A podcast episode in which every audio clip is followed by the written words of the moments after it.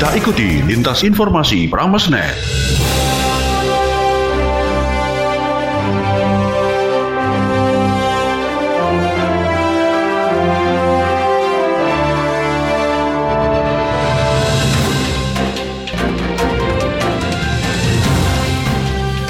Selamat pagi, kita jumpa kembali dengan Lintas Informasi Pramesnet edisi Senin 7 Juni 2021 bersama saya Rara Rasi FM. Siaran ini diikuti oleh 103,9 FM Prameswara Lamongan, 104,5 FM Bahana Ngawi, 90,6 FM Rasi Magetan dan 97,8 FM Radio Ronggo Hadi Lamongan. Baiklah sobat, kita awali informasi pertama dari Magetan. Inspektorat Kabupaten Magetan kejar pembuktian kerugian negara kasus pembangunan jalan di Desa Klagen Gambiran.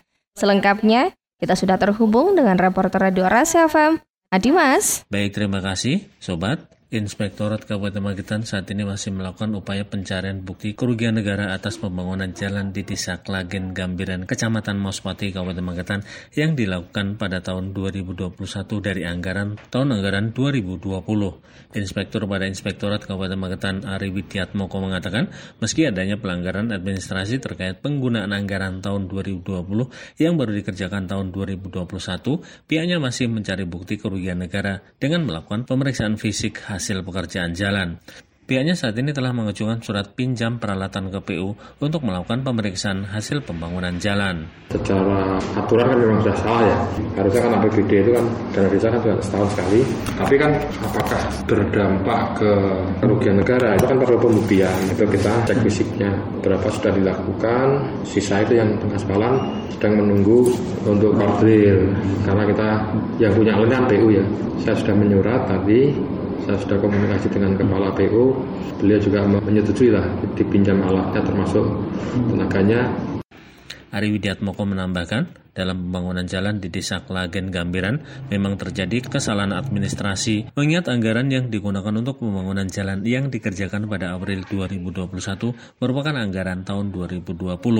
Jika dalam pemeriksaan volume pekerjaan tidak berdampak pada kerugian negara, maka Inspektorat Kabupaten Magetan akan memberikan sanksi administrasi kepada pelaksana kegiatan anggaran kalau kesalahan administratif itu misalnya tadi tidak berdampak ke keuangan ya itu memang berarti ada kesalahan administratif. Memang ada sanksinya nanti lah dari hasil nanti ke tingkat itunya. Apakah bisa teguran lisan teguran tertulis atau apa nanti tergantung eh, apa hasil tim ya. Kalau sampai ke korupsinya belum ya karena kalau memang eh, volumenya terpenuhi kan kerugiannya tidak ada. Jadi ya administratif tapi yang penting kalau dari administrasi ada kesalahan gitu ya. Ya secara prinsip iyalah kalau ya. hari uh, tahun ini kan seharusnya dikerjakan tahun ini. Hmm. Tahun kemarin ya. Iya tahun kemarin.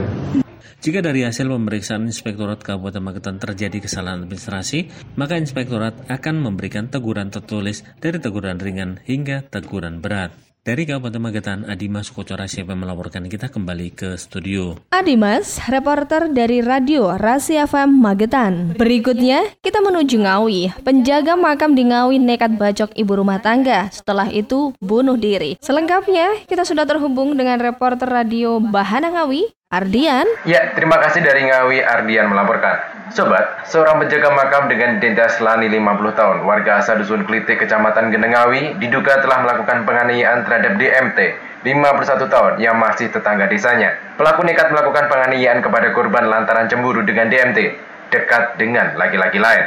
DMT adalah kekasih gelap pelaku.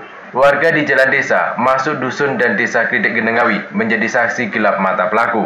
Akibatnya, DMT mengalami luka robek pada lengan kanan dan kiri. Tidak hanya itu saja, ibu jari korban bagian kanan hingga putus. Sobat, setengah jam sebelum kejadian, pelaku melintas di jalan desa mendapati korban tengah ngobrol dengan Sumiatun 53 tahun. Dengan menggeber kendaraannya, pelaku mengancam hendak menabrak korban. Satu meter dengan korban pelaku berteriak, tak tabrak kowe, atau saya tabrak kamu. Namun apa yang dilakukan pelaku tidak digubris oleh korban, membuatnya naik pitam. Pelaku memutar balikan kendaraannya dan menghilang. Selang 15 menit kemudian, pelaku datang kembali dengan membawa parang. Tiba-tiba, menghampiri korban, langsung mengayunkan parang berulang kali. Dua sabetan mengenai lengan kanan dan kiri, meninggalkan luka sayatan terbuka dan satu sabetan mengenai ibu jari korban hingga putus saat berusaha menangkis. Sobat, korban langsung dilarikan ke rumah sakit Widodo guna mendapatkan perawatan luka-luka yang dialami. Hingga berita ini kami laporkan, korban masih tersadar, namun berbeda dengan pelaku. Usai melakukan penganiayaan, pelaku melarikan diri dengan mengendarai kendaraannya menuju hutan jati. Selang beberapa waktu kemudian, laporan warga kepada petugas dengan ditemukan laki-laki paruh baya di tengah hutan dalam keadaan meninggal, mengarah pada identitas pelaku. Apa yang menjadi dugaan petugas dan warga benar adanya. Pelaku ditemukan tewas dengan keluar busa pada mulutnya. Sobat, dalam pemeriksaan tubuh korban diungkapkan oleh tim medis Puskesmas Geneng menyebutkan tidak ada ditemukan tanda-tanda kekerasan dan ditemukan bekas muntahan di samping korban.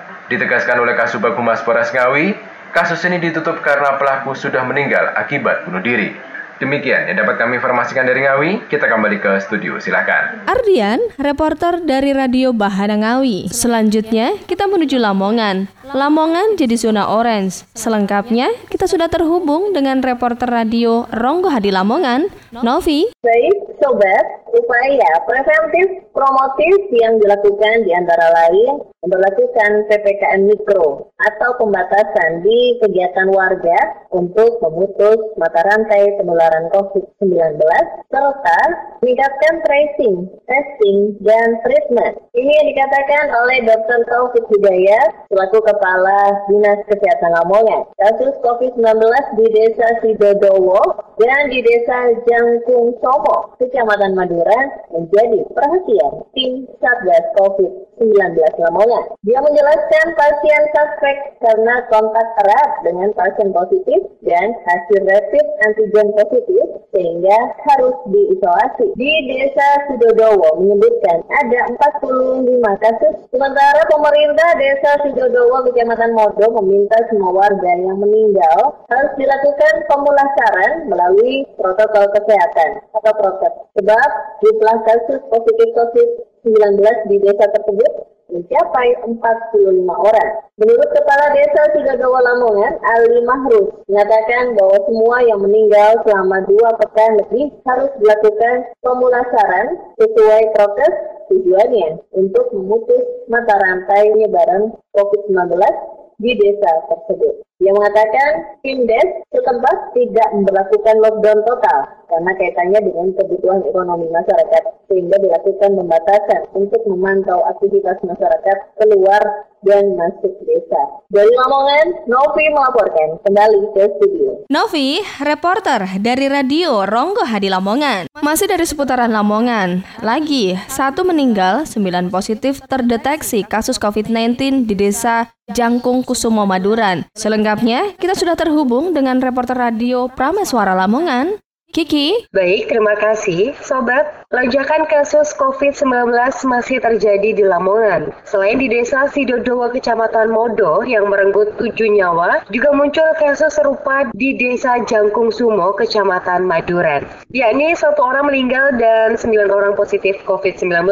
Semuanya masih satu ikatan keluarga yang mendiami dua rumah. Kepala Puskesmas Maduren Lamongan, Dr. Adang Budi Wiryawan mengatakan, sembilan orang yang positif corona di desa Jangkung Sumo itu tiga orang melakukan isolasi mandiri dan enam lainnya isolasi rumah sakit. Ada memastikan tracing terus dilakukan untuk memutus mata rantai penularan. Selain itu, penyemprotan desinfektan dan fogging juga dilakukan secara berkala. Ditambah pemberian obat-obatan dan juga meningkatkan pelaksanaan prokes di lingkungan setempat. Terpisah, seorang warga desa Jangkung Sumo Ali Said mengungkapkan, pasca terdeteksinya 10 warga di desanya positif COVID-19, situasi desanya tetap kondusif. Sementara tidak ada pembatasan, tapi prokes diminta diperketat, sehingga aktivitas warga berjalan normal. Kabit Kesmas Dinas Kesehatan Lamongan Abdullah Wasiat membenarkan kasus COVID di Madura memang tinggi, tapi bisa dikendalikan. Kasusnya masuk kategori klaster keluarga, sehingga tim Satgas terus memantau keluarga dan lingkungan setempat agar tidak terjadi tambahan kasus. Selain itu, tim Satgas juga terus mengingatkan warga melalui siaran keliling agar tetap melakukan prokes dan mengurangi aktivitas di luar rumah jika tidak penting. Dari Lamongan, Kiki melaporkan kembali ke studio. Kiki, reporter dari Radio Prameswara Lamongan. Demikian tadi baru saja Anda ikuti Lintas Informasi Pramesnet. Siaran ini dapat Anda simak setiap hari Senin sampai Jumat jam 10 pagi dan jam 4 sore. Saya Rara bersama tim redaksi yang bertugas mengucapkan selamat pagi, sampai jumpa. Demikian tadi telah Anda ikuti Lintas Informasi Pramesnet. Informasi ini dapat Anda simak di 103,9 FM Prameswara Lamongan, 104,5 FM Bahana Ngawi, 90,6 FM Rasi Magetan, dan 97,8 FM Hadi Lamongan.